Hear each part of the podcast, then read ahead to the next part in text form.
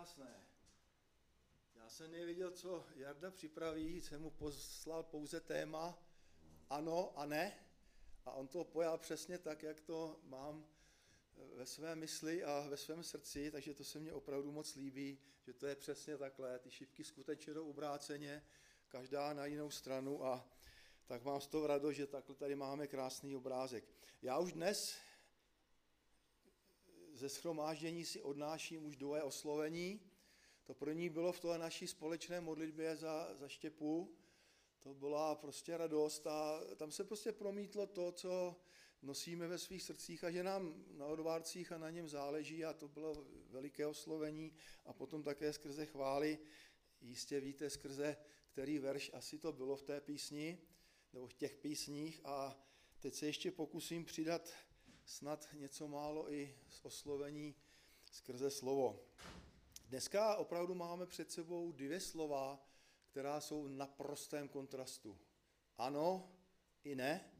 A obě bez výjimky s plnou váhou, s plnou silou patří do křesťanského života. Neobejdeme se bez ano a neobejdeme se ani bez toho ne. To prostě nejde.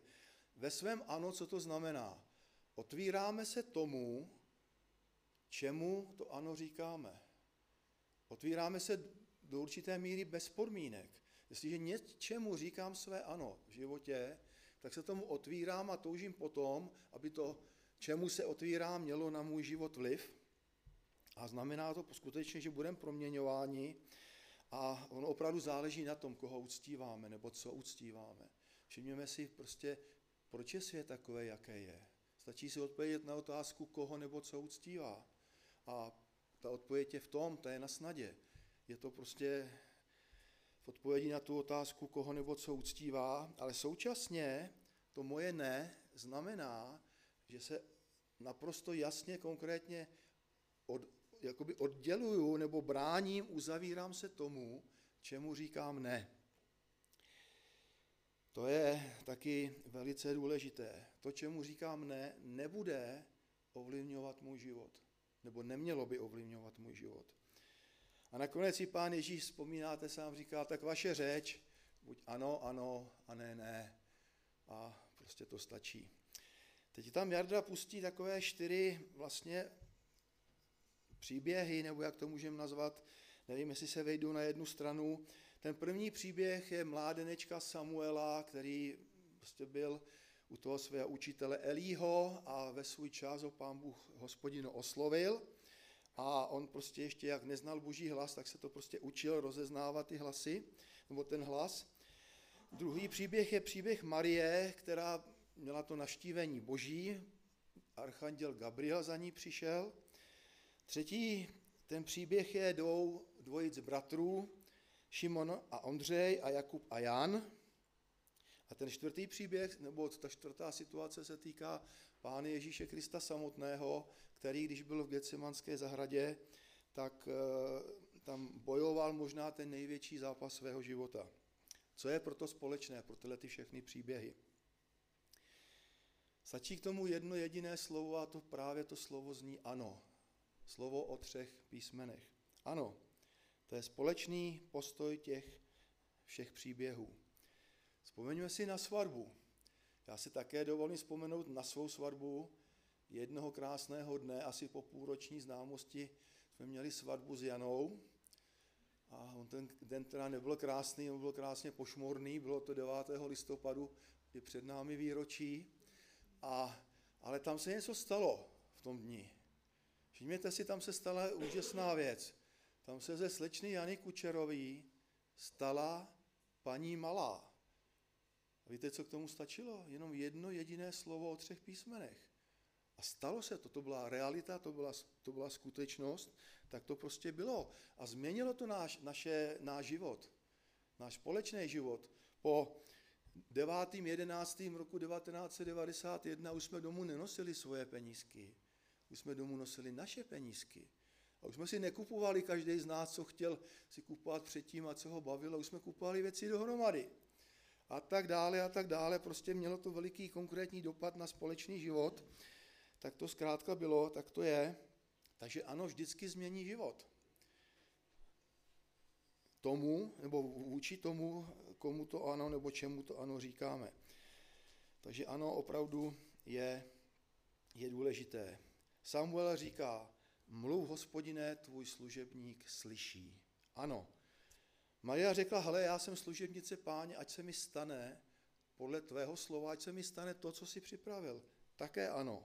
Ondřej, Šimon a Jakub a Jan opustili loď svého otce Zebedea a šli za ním. Zase jasné, konkrétní ano.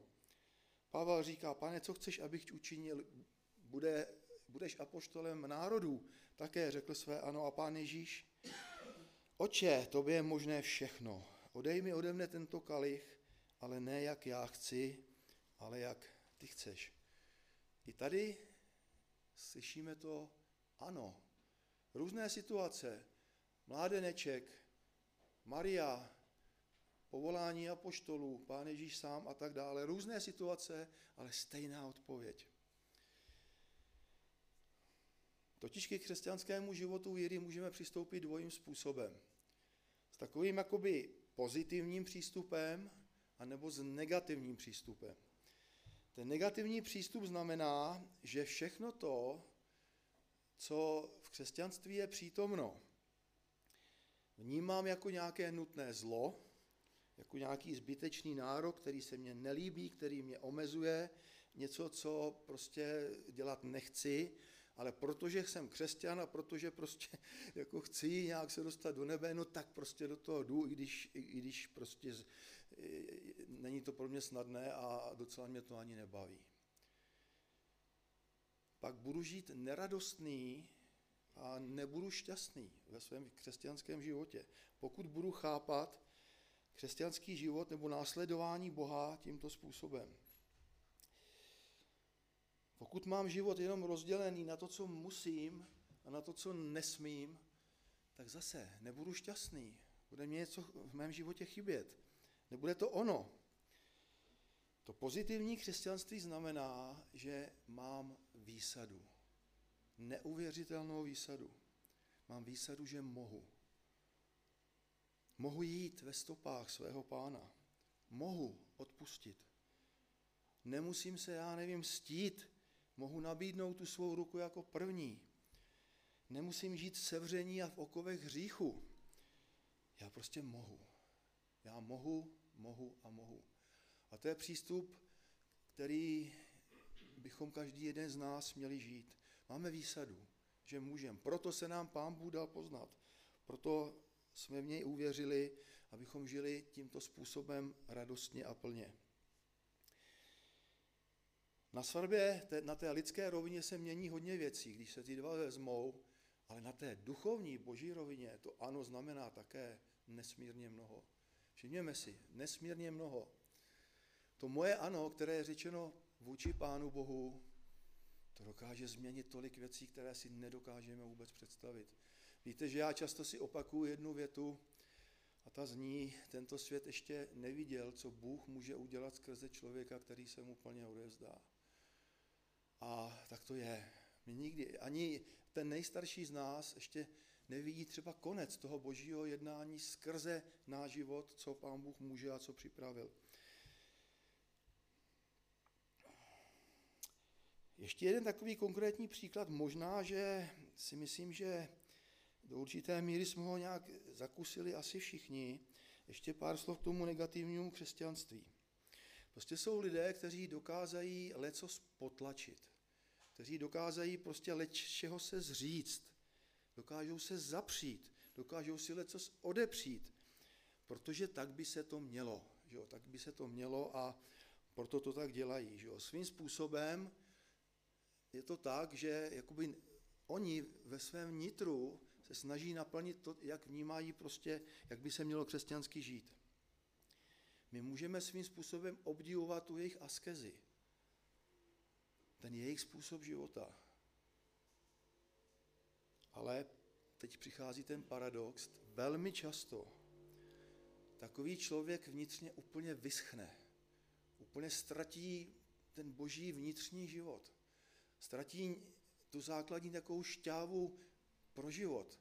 Sice dělá to, co si myslí, že je prostě pro Pána Boha to nejlepší a nejcennější, ale vnitřně úplně seschlý a není šťastný a není, není prostě plný života. Můžeme obdivovat jeho způsob života, ale není nás s ním dobře. A to jsou ty paradoxy křesťanství. Můžeme obdivovat to, jak žije, a přesto nám s ním není dobře. Já myslím, že každý z nás eh, možná takový nějaký příklad eh, ve svém okolí zažil, nebo někdy možná dříve a tak dále. Máme výsadu, máme možnost, my můžeme. A to pozitivní křesťanství není nic jiného, že prostě ten křesťan šíří život. Vůni Kristova poznání. To je prostě úžasná, úžasná radost. Jeden příklad. Byli dva mniši, kteří byli prostě v tom klášteře, že jo, a nějak se vydali na cesty a vraceli se zpátky do toho kláštera a měli přejít jednu řeku, která zrovna v ten čas byla rozvodněná a opravdu bylo obtížné tu řeku přejít. A tak jako se blíží k té řece a najednou tam na tom břehu stojí ale fakt krásná žena. Nádherná prostě, jo. A tak jako přišli k ní a ten jeden mnich říká, ty potřebuješ nebo vy potřebujete pomoc, že jo. Tak mě skočte do náruče, chytněte se mě za krk, já vás přenesu. Tak to tak udělali, on ji opravdu chytil, bezpečně ji převezl na druhou stranu, tam ji postavil na zem a mniši šli dál do toho kláštera. A asi po jednom kilometru ten druhý vybouchne. Jak to, že jsi to udělal? Teď my se na žemi nesmíme ani dívat, my s nima nemůžeme mluvit a ty si ji dokonce vzal do náruče a ona tě držela okolo krku. Víte, co mu odpověděl? On odpověděl úplně krásně a prostě. Hele, já jsem tu krásnou ženu nechal tam na tom břehu, u té řeky, a ty ji neseš ještě teď? To je ten rozdíl. To je ten rozdíl. Takže to ano má takové tři podoby. Nejdřív říká to své ano Bůh nám. To je to první ano. Bez toho základního prvního ano, které říká Bůh nám, není nic jiného, není nic dalšího, není na co navázat. To je to první oslovení, první zastavení, první povolání. Představme si, kdyby tady opravdu byl pán Ježíš, tak by nás všechny obešel a prostě by řekl, miluju tě, proměním tě a budu tě používat ve svém díle. To by řekl určitě každému jednomu z nás. Prostě to boží ano je první, to ano předchází úplně všechno. Pokud tam Jára má ovladač, může tam dát Galackým první kapitolu a tam prostě Pavel vyznal to, co je skutečnost. Tedy, že on věděl, že už v životě jeho matky se tak stalo. Že už byl povolán k tomu, aby naplnil to, co potom skutečně doopravdy naplnil. Takže Bůh nás předchází vždycky. Tak to prostě je. Bez toho božího ano nemůže zaznít naše ano. To nejde. A zkusme, já to od času času dělám, vy mě znáte už, vzpomenout si na to první boží zavolání, které jsme slyšeli. Na to první opravdu oslovení. Na to první ano, na to pozvání první, které vůči nám prostě pán Bůh měl. To je okamžik, je situace, která je nevypověditelná, je to něco nádherného. Je to něco, na co se nedá zapomenout v životě. A pán Bůh z tohoto prvního oslovení a z tohoto prvního povolání neuhnul ani o centimetr. On má to své povolání na celý život, pro nás, nádherné. A my můžeme, ne že musíme, ale my skutečně my můžeme. To druhé ano, nebo ten, ten druhý krok v tom anu, my říkáme naopak obráceně své ano Bohu. Proč? No protože jsme ho poznali, protože víme, jaký je. Protože víme, že je to to nejlepší, co můžeme v životě udělat. Naše ano je vlastně odpověď na to, že jsme poznali Pána Ježíše Krista a Pána Boha. To je to naše ano. Pane, ty se mi dal poznat a já rád ze srdce ti to svoje ano zase zpátky říkám. Proč lidé v Pána Ježíše nevěří? Já si myslím, že ta odpověď je úplně prostínká, protože ho neznají. Proč Pána Ježíše Krista lidé nemilují? Odpověď je stejná, protože ho neznají. Ale v okamžiku my jsme každý jeden z nás poznali, jaký Pán Ježíš Kristus je, a pak není možné ho nemilovat. Když vidíme, jaká úžasná bytost stojí před námi, po našem boku, jaká úžasná bytost nás zavolala, tak potom není možné nemilovat Pána Ježíše Krista. Ale problém je v tom, že lidé ho neznají a tak je jim lhostejný. Zpíváme píseň, dneska byly starší písně tady to je ještě možná starší nebo minimálně stejně tak stará. Ta zní, dej nám prohlédnout a vidět Ježíše, moci se dotknout a vyznat mu lásku. Dej, pane, slyšet a uč nás poslouchat. Dej nám prohlédnout a vidět Ježíše. Tedy vidět. Teď nemyslím, ještě možná tam můžeme si dát Efeským 1.17, já to tam mám připraveno kralicky a tady se prostě apoštol Pavel modlí, on se modlí za to, aby prostě to poznání Krista přišlo. Všichni my cítíme, že to nejde předat nějak, jako nemůžeme si sednout ke stolu a teď říct prostě bratrovi, sestře, hele, tady ti dávám poznání pána. To prostě není možné, to není v našich silách. A proto se Pavel modlil, aby to přišlo formou opravdu úžasného poznání a úžasného zjevení. A modleme se také tak. Opravdu modleme se také tak, sami za sebe i, ale i současně za druhé. Protože křesťanství především neznamená se něco naučit, ale křesťanství především znamená něco vidět a něco poznat, něco okusit, zakusit. Křesťanství je zjevení, nejenom i to prosté učení. Samozřejmě i to tam patří a to nic to nejde proti sobě. No a konečně to třetí, pán Bůh naše ano přijímá, dokonce někdy na něj čeká nějakou dobu, už, už, je, to, jo, už, už je to připravené a člověk jako trošku někdy otálí, ale potom to ano pánu Bohu řekneme. Takže pán Bůh na něj čeká, přijímá ho a teď se stává jakoby na jednu stranu krásná věc a současně těžká věc. Pán Bůh to ano přijímá pro sebe, ale současně to naše ano také dává svému lidu, dává ho do církve. Takže já, když říkám své ano Pánu Bohu, tak můžeme počítat s tím, že to moje ano bude patřit těm, kteří jsou okolo mě. To moje ano patří celému Kristovu tělu. Člověk by si mohl říct, no jo, pane, tobě dát to ano, to není nic těžkého, ty jsi úžasný, ty jsi fantastická bytost. Ale to svý ano mám taky dát tomu druhému. To už není možná tak snadné. A přesto pán Bůh to plné celé ano bere jednak pro sebe, ale současně také ho dává pro své tělo.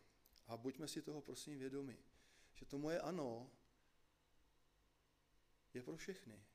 Nejenom pro Pána Boha, ale on opravdu se o to ano rozdělí se všemi ostatními, které má v tom třeba konkrétní společenství, v tom konkrétním městě a tak dále.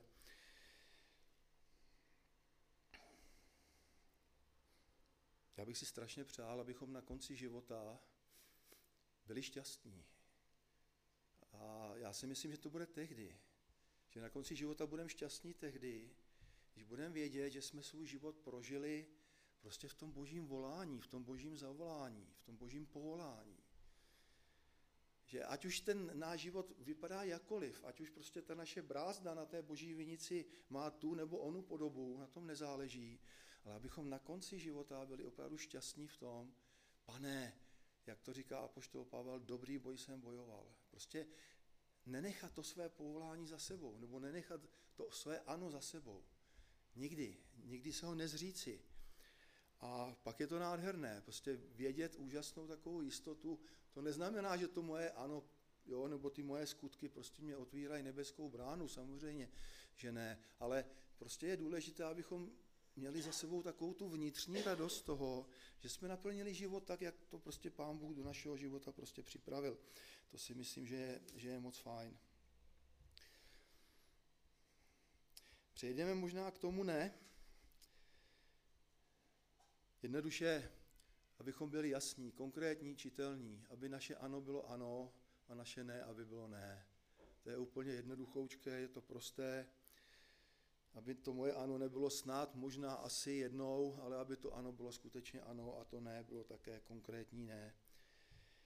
Jakub 5.12 mám za to, že to, že to tam také máme na prezentaci a my si skutečně nemusíme pomáhat přísaháním, jo. Prostě někdo, prostě, když už neví, jak by, jak by to prostě posílil to vyznání, ať už jakýmkoliv směrem, tak se začne zaklínat a začne si přísahat prostě a tak to je a já, a přísahám při, při tom a při tamtom. Já si myslím, že to je zbytečné, dokonce Boží slovo říká, že to dělat nemusíme, dokonce ani nemáme, protože pokud naše ano bude jasné ano a naše ne bude jasné ne, tak to jsou konkrétní záchytné body, které, podle kterých se druzí mohou orientovat v našich životech a nemusíme si pomáhat nějakým, nějakou přísahou nebo něčím podobným. To opravdu není nutné a dokonce možná je to i trošku nebezpečné. Mějme ale správné pořadí, že jo? Ano a ne. Podříte se Bohu, vzepřete se ďáblu a uteče od vás. A to je přesně to správné pořadí. Podříte se Bohu, vzepřete se ďáblu a uteče od vás. Tady to ano i ne máme dokonce v jednom jediném verši. Naše ano patří Bohu, se vším všudy, co, co to znamená, dá tu pozitivní náplň života a naše ne patří ďáblu opět se vším, co to znamená. Já se k tomu dostanu za chvilečku. Tak, a teďka zase tři věci ilustrativně, k čemu máme říkat to svoje ne. Obecně říkejme svoje ne božímu nepříteli, ďáblu, potažmo hříchu, nebo ať už to nazveme jakkoliv. Můžeme to dělat a dokonce to máme dělat, protože Pán Ježíš zvítězil a Boží slovo říká, vy jste v Kristu a větší je ten, který je ve vás, než ten, který je ve světě. Ďábel se vždycky bude snažit prostě nějak dostat z toho místa bezpečí, do nějaké nejistoty. A stále a stále nám bude nabízet ty své nabídky. A nedivme se, když to dělal vůči ďáblu, teda když to, když to dělal vůči Pánu Ježíši Kristu samotnému, vzal ho na tu poušť a ukázal mu všechna království světa a říká, tohle všechno ti dám, jestliže, přijde, jestliže přijdeš a budeš se mi klanět, tak proč by to nedělal vůči nám? Chce nás dostat z toho místa bezpečí. A hledat skulinku vždycky do našeho srdíčka, kudy by se tam mohl dostat. A proto mějme dobré brány do srdce, my jsme o nich mluvili mnohokrát, jsou minimálně tři brány do srdce, je to naše oko, je to naše ucho a jsou to naše ústa. To jsou tři brány do srdce, které způsobují to, že něco do našeho nitra přijde a něco ne. Tedy to, čemu řekneme ano, nebo to, čemu řekneme ne. Celý, celé dějiny vlastně probíhá zápas o lidské srdce. To je tu nejdůležitější místo. Není tak dlouho Jarda taky o, o lidském srdci mluvil. Takže ďábel napadá ta naše slabá místa a pán Ježíš naopak ta naše slabá místa se snaží upevnit a posílit.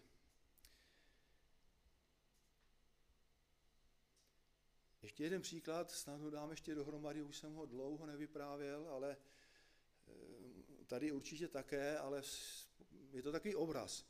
Obraz člověka, který uvěřil a opustil všechno to staré a chtěl žít novým způsobem života. Představme si dům. Dům, který byl plný nedobrých věcí, špatných, smradlavých, nevhodných, já nevím co všechno, to bylo jako obraz jeho života. A on to všechno vyházel prostě, jo, tak to bývá, všechno, všechno spálil, zničil, vyházel to a ten dům jako byl nádherný, nechal si ho vybílit, nebo sám si ho vybílil, prostě ten život byl nádherný, úplně jako nový začátek, nový, nová startovní dráha. A přišel ďábel a říká, no jo, no tak jako já jsem tady prohrál, hele, já se nic dělat, ale prosím tě, jako, hele, já bych tady chtěl mít aspoň jednu skubu na zdi, tu mi tady nech, jako jednu skubu tady nech. A on říká, no, tak jednu skobu, no tak jako co, tak, tak na to kejvnul a skutečně tu skobu jakoby ďáblu tam nechal v tom obyváku. No a tak šel čas, všechno bylo dobré, všechno bylo krásné a najednou po nějakém čase ďábel přijde a klepe na dveře a říká, hele, já chci si podívat na svou skubu, já už jsem ji dlouho neviděl, já si s ní chci popovídat, tak si ji pohladit. Tak musel otevřít ty vchodové dveře, pak musel otevřít dveře do obyváku a on si šel k té skobě a teď tam prostě nějaký čas spolu trávili a pak zase vypadnul. A pak se to začalo stupňovat, že říká ďábel, hele, já potřebuju klíče od tvýho baráku. Ty, když nebudeš doma, já skubu neuvidím a budu mít špatný den, tak já potřebuju klíče od vchodu, potřebuju klíče od obyváku. A také se to začalo stupňovat a stupňovat a potom si na tu skobu začal věšet i své nedobré a nesprávné věci a natolik otrávil prostě život toho majitele, že on ten barák prodal a odstěhoval se, samozřejmě hovořím obrazně. Takže to naše ne, ať je opravdu plné, se vším všudy, i vůči té obličejné, jednoduché a na první pohled nevý, nevýrazné nebo nevýznamné skobě. Kde je dobré, nebo ne jenom dobré, ale kde je dokonce nutné utíkat, tam opravdu utíkejme. Utíkejme, vezměme nohy na ramena, to opakuju taky často, ale to je pravda. Utíkejme modlářství. Utíkejme modlářství, říká to boží slovo. Ne to zkusit nějak, jako jenom jít někde až na samou hranu. Ne, vezměme nohy na ramena a pryč, pryč od toho. Utíkejme smilstva. To také říká boží slovo. Ne si, že si řeknu, já to ustojím a já to prostě já to unesu, vezměme nohy na ramena a pryč. Utíkejme také světským tlachům a bezbožným řečem, to je taky v první Timoteově napsáno, takže zbytečné nějaké řeči, které celkem nikam nevedou. To jsou čtyři oblasti, kde se nepouštějme vůbec do boje. Jo? Jsou místa, kdy Boží slovo říká, dosud jste se až nesprotivili až do krve bojujte prostě proti, tomu, proti té věci, ale tady ne, tady prostě vezměme nohy na ramena a rychle pryč. Smelstvo, modlářství, milování peněz, ještě jsem vynechal, opakuju, zdůraznuju to slovo milování peněz, jo. Díky za všechny prostě křesťany, kteří mají miliony, dokonce miliardy, ale oni ty peníze nemilujou. Ale milování peněz, to je potřeba tomu utíkat a také těm nesprávným řečem.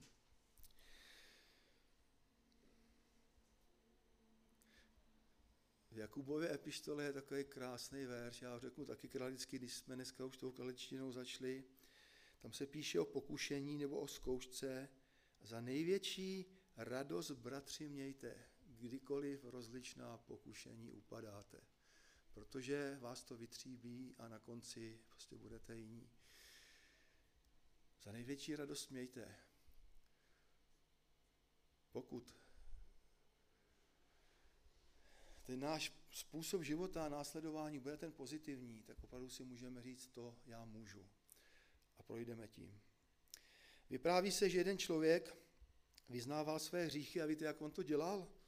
On to dělal tak, že vždycky vyznal nějaký hřích a hnedka v zápětí řekl, ale já za to nemůžu, to mě donutil ďábel. Pak vyznával druhý hřích a třetí hřích a pátý. A u každého řekl, já za to nemůžu, to mě donutil ďábel a tak jako asi chtěl vylepšit sám sebe před sebou nebo před druhými, ale pravdu neměl. Pravdu neměl, ani celé peklo nás nedonutí prostě udělat hřích, pokud my budeme stát v, té správné, v tom správném postoji a být na místě bezpečí. Takže nesvádějme to na ďábla. To, že nás pokouší, to je jedna věc, ale to rozhodnutí konečné je opravdu na nás. To, na, na něj to svádět nelze.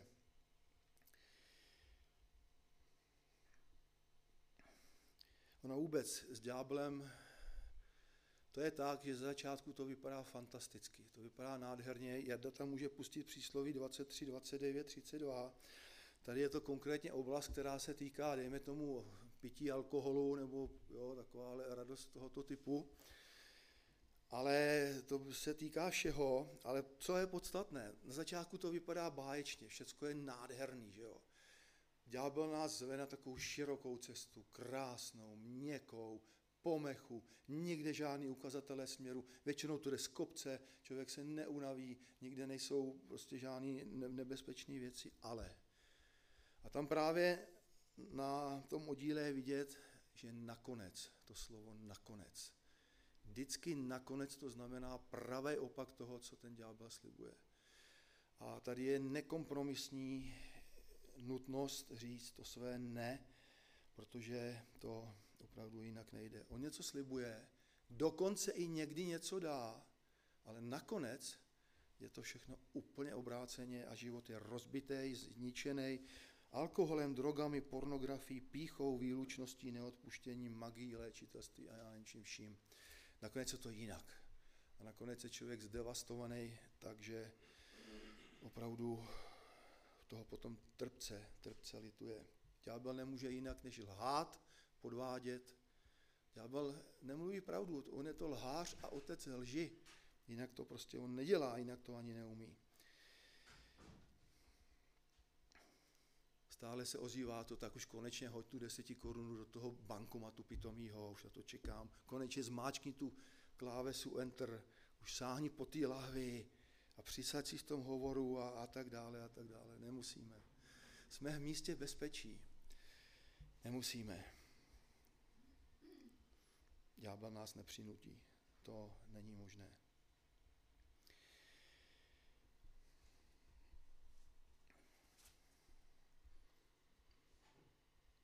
Potom to druhé, čemu bychom měli říkat ne, a tady trošku opravdu prosím o takovou jemnost, citlivost, o to, co nám třeba nebude v danou chvíli nějak třeba konkrétní nebo jasné. Prosím, nechme to být a možná ještě není čas k tomu, aby, aby to do mého života zaznělo, ale nechme to být, ale je tady ta druhá oblast, které bychom měli říkat ne, a to je našemu egu, naší sebelítosti a našemu zaměření na sebe. Tomu také bychom měli říkat ne. A tady opět další paradox, že na cestě k plné svobodě Kristu, že, k, že k, té, k tomuto stavu v plné, na plnou svobodu v Kristu vede cesta, že budeme zapomínat sami na sebe. To jsou ty úžasné křesťanské paradoxy, které prostě platí, které tak jsou. Když budeme zapomínat na sebe, pán Bůh nikdy na nás nezapomene. A skončíme v úžasném osvobození a skončíme v úžasné svobodě.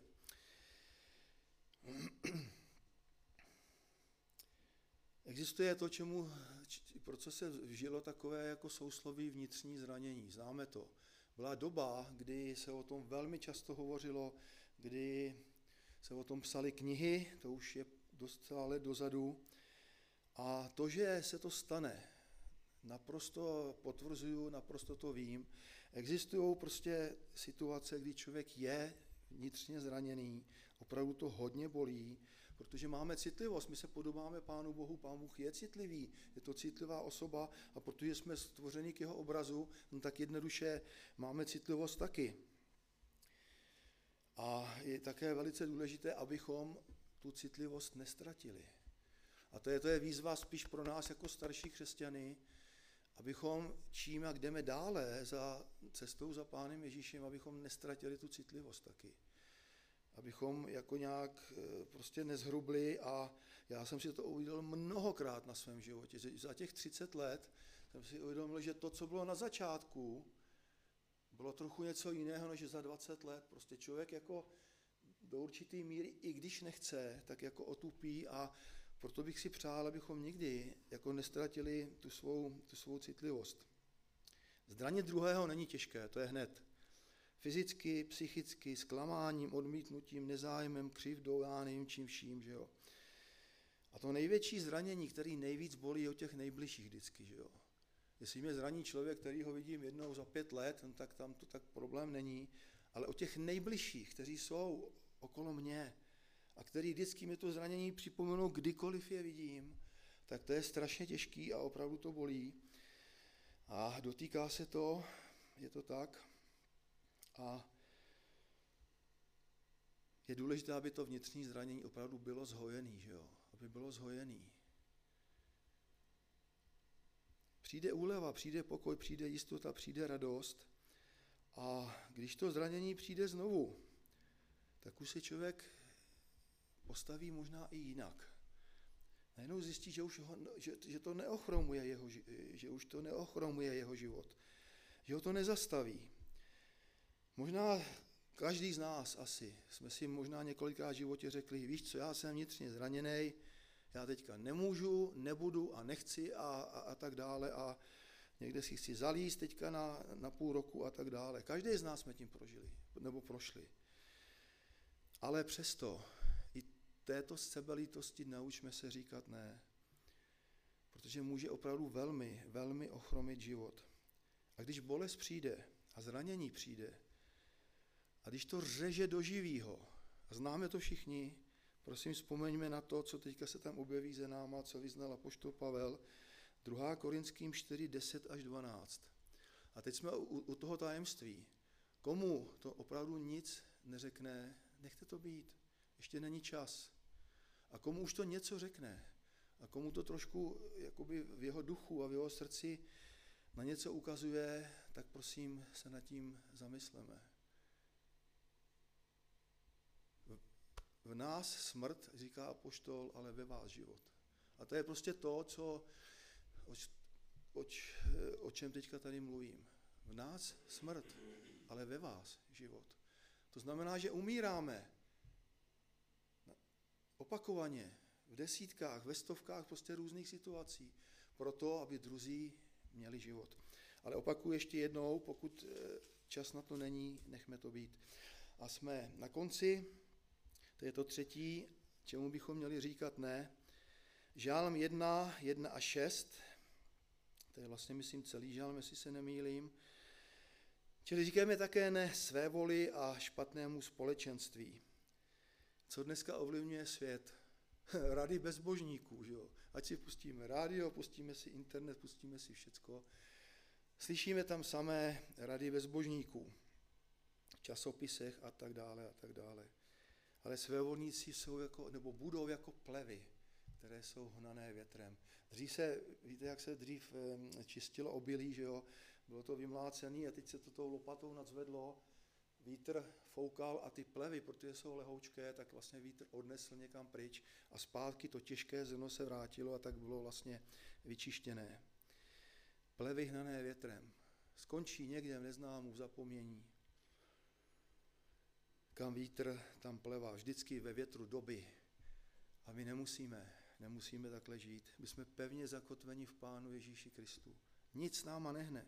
Tam je místo bezpečí. A vždycky se do něj vracejme.